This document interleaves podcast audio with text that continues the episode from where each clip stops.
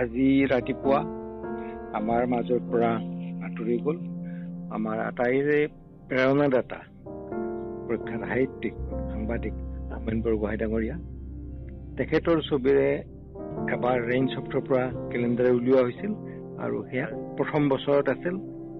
প্ৰথম বছৰতেই কেলেণ্ডাৰৰ বিষয়ে একো নজনাকৈয়ে তেখেতে আমাক সমৰ্থন কৰিছিলে তেখেতে আমাৰ মতে আহি কাম কৰিছিলে ফটো উঠিছিলে আমাক উৎসাহিত কৰিছিলে। এই বিষয়ে আপোনাৰ মুখৰ পৰা আজি খবৰটো পোৱাৰ পিছত পুৰণা কথা কিছুমানে মানে বৰকে আমনি কৰিছে বিশেষকে আপুনিও জানে আমি প্ৰথম কেলেণ্ডাৰ মই আগতে উলিয়াইছো আমাৰ প্ৰতিষ্ঠানৰ পৰা ৰেঞ্জ চেপ্টৰ ফালৰ পৰা।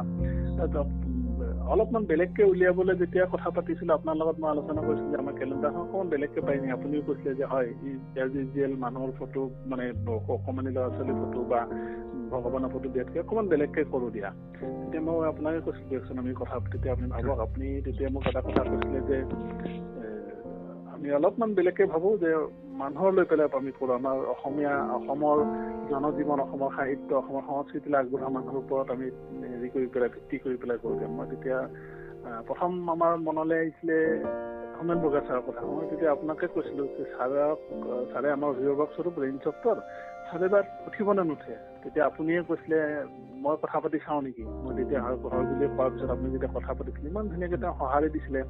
প্ৰথম অৱস্থাতে। কোনোদিন নোহোৱা হেৰি তেওঁ তেওঁৰ তেওঁ নিজে কৈছিলে যে মোৰ কোনো অভিজ্ঞতা নাই কেলেণ্ডাৰৰ ওপৰত মানে এনেকে যে মানুহৰ ওপৰত মানে তেওঁ নিজে আচৰিত হৈছিলে প্ৰথম আপুনি কোৱাৰ পিছত। আহি কৈছিলে কথাখিনি। আৰু প্ৰথম কথাটো কি তেখেত প্ৰথম যেতিয়া কেলেণ্ডাৰ কথা কওঁ তেখেতে সোধা নাই কিন্তু কাৰ কেলেণ্ডাৰ কি হ'ব কেনেকুৱা। পিছতহে তেখেতে গম পাইছে কাৰ কেলেণ্ডাৰ। হয় আৰু কেলেণ্ডাৰখন ফটো উঠাৰ পিছত আমি আমি আপুনি মই যেতিয়া চিলেকশ্যন কৰিছিলো এই চাৰিখন ফটো আমি চাৰিটা পৃষ্ঠাত যাব। তাৰপিছত অনুভৱখিনি লিখিবলৈ যেতিয়া মই লৈ গৈছিলো চাৰি মানে আচৰিত হৈ গৈছিলো। অ মোক ফটো মোৰ ফটোৰে কেলেণ্ডাৰ হৈ যাব। ক'লে মোক কৈছিলে কিন্তু এনেকে যে হ'ব মই ভবা নাই যে মই অনুভৱ কি লিখো। সেই অনুভৱখিনি লিখিবলৈ আমাৰ পৰা দুমাহ মান সময় লৈছিলে। ডেৰ মাহ ডেৰ মাহ মান সময় লৈছিলে।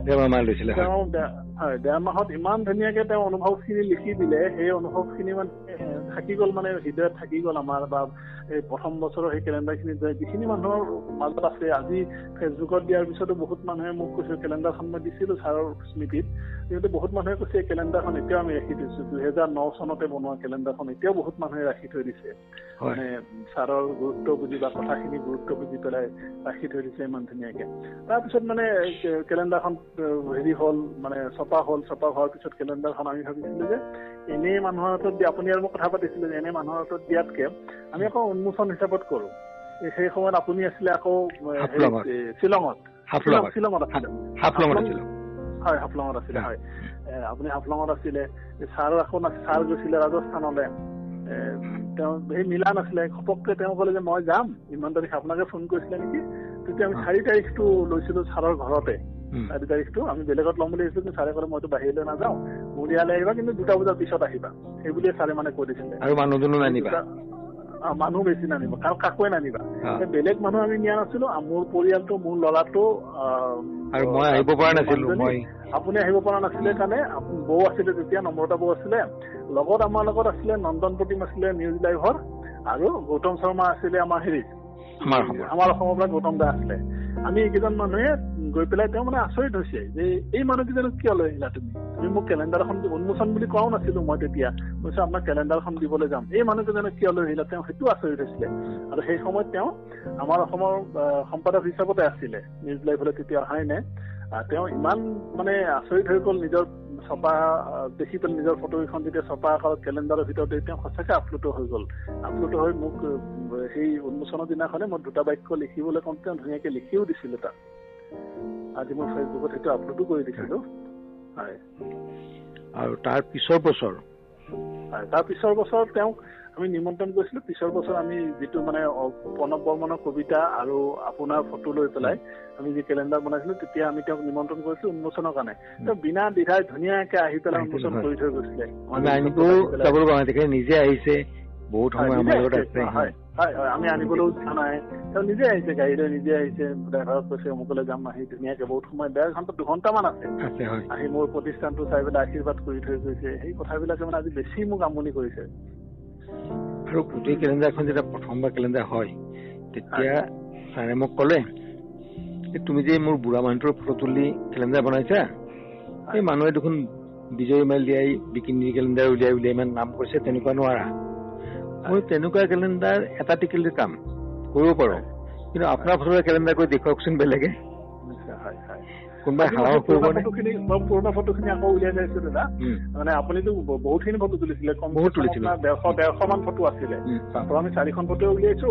তাত মানে সেই কটন কলেজৰ স্মৃতি তেওঁৰ স্মৃতিখিনি তেওঁৰ যি তেওঁ পঢ়া আত্মানুসন্ধানত আমি আত্মানুসন্ধানত যিখিনি স্মৃতি পাওঁ তেওঁৰ আমাৰ গুৱাহাটীক লৈ পেলাই সেই স্মৃতিক তেওঁ সেই তাত মানে ধুনীয়াকে।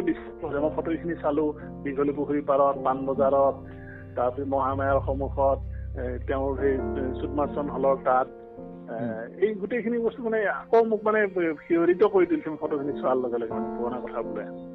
সেইখিনিত যেতিয়া ফটো তুলিবলৈ যাওঁ আমি মই ৰাতিপুৱাই গাড়ীৰে লৈ গৈছো আৰু। ফটো তোলা হৈছে আগতে যাওঁতে ৰাস্তাত কথা পাতি গৈছে ফটো তুলিব আৰম্ভ কৰো। প্ৰথম দীঘলী পুখুৰীৰ পৰা যেতিয়া নামি দিওঁ তেতিয়া তেওঁ ইয়াত কিয়? মই এটা কাৰণ কলো এই কাৰণ। ঠিক আছে। তাৰপিছত তেখেতে তাত প'জ দিলে প'জ দি ফটোখন উঠিব। মোৰ ফালে চোৱা নাই। ইতিমধ্যে কেমেৰাটোৱে কাম নকৰা হ'ল সেই সময়তে। মোৰ কিমান অৱস্থা বেয়া হ'ব পাৰে। তেখেতক ঘৰৰ পৰা লৈ আহিছিলোঁ মোৰ কেমেৰা কাম কৰা নাই। মই ক'লো। তেখেতক কেমেৰাটো অকণমান দিগদাৰি দিছে আপুনি কৰক কৈছে নাই একো নাই তুমি তোমাৰ মতে ৰৈ থাকা।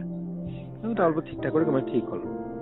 ফটো তুলিলোঁ নবীন বৈদ্যৰ ঘৰত তুলিলোঁ চুদমাৰ্চন হলত তুলিলোঁ কটন। কলেজৰ মাছ মাজৰ ৰাস্তাত তুলিলোঁ। মহামায়াৰ সন্মুখত তুলিলোঁ। ৰাস্তাৰ আৰু তুলিলোঁ কেইখনমান। তুলি যেতিয়া ঘূৰি আহিম গাড়ী উঠিছোঁ। তাৰ পৰা ছাৰে অনৰ্গল কথা কৈ আহি আছে। ঘৰ পোৱালৈকে। মই বোলো এইখিনি কথা যে আপুনি লিখিলে ক'লে মোক এই ধুনীয়া কিতাপ এখনে নেলেখে কিয়? কৈছে কিতাপ কৰি প্লেন কৰা কথাটো এইটো ভবা নাছিলো। এইটো মই সেই ঠাইখিনি একেলগে এবাৰ ঘূৰি মোৰ গোটেইখিনি স্পণ্টেনিয়াছলি ওলাই আহিছে। মই বোলো এইখিনি ময়ে লিখো। এই তুমি এতিয়া নেলেখিবা আৰু কথা কওকচোন। কিন্তু লিখিলে ফটোকেইখন লগত দি লিখিবা। হয়।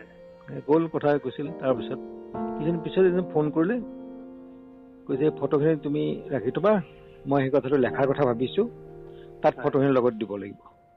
হয়। কিন্তু ছাৰৰ সেইটো লেখাটো নহ'ল। হয়।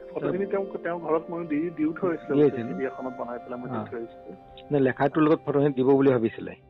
তাৰ সেই লেখাটো হ'লে খুব অপূৰ্ব লেখা এটা হ'লহেঁতেন। তাৰপিছত মই ছাৰক বহু বছৰ পিছত সুধিলো ছাৰ লেখাটো যে লিখিম বুলি কৈছিলে কি হ'ল? সিদিনা যিটো আৱেগত মোৰ কথাখিনি ওলাই আহিছিল পিছতো সেইখিনি ওলোৱা নাই যদি ওলাই তেতিয়া লিখিব পাৰিম মই। মই সেই হয়তো- জেগাকেইটা ঘূৰাৰ পিছত তেওঁৰ আৱেগটো অলপ বেলেগ হৈ গৈছিলতো সেই উম। পুৰণা জেগাকেইটাৰ স্পৰ্শত মানে। কিন্তু সেই গোটেইখিনি মোৰ এতিয়া স্পষ্ট মনত আছে। আজি। দহ বাৰ বছৰ হৈ গ'ল। হয়তো মই এতিয়া লিখিম সেইখিনি ফটোখিনি ধুনীয়াকে লগাই। ঠিক আছে আমি এইখিনিতে আমি কথা সামৰো। চিৰ শান্তি পাওক তাকে কামনা কৰিছো।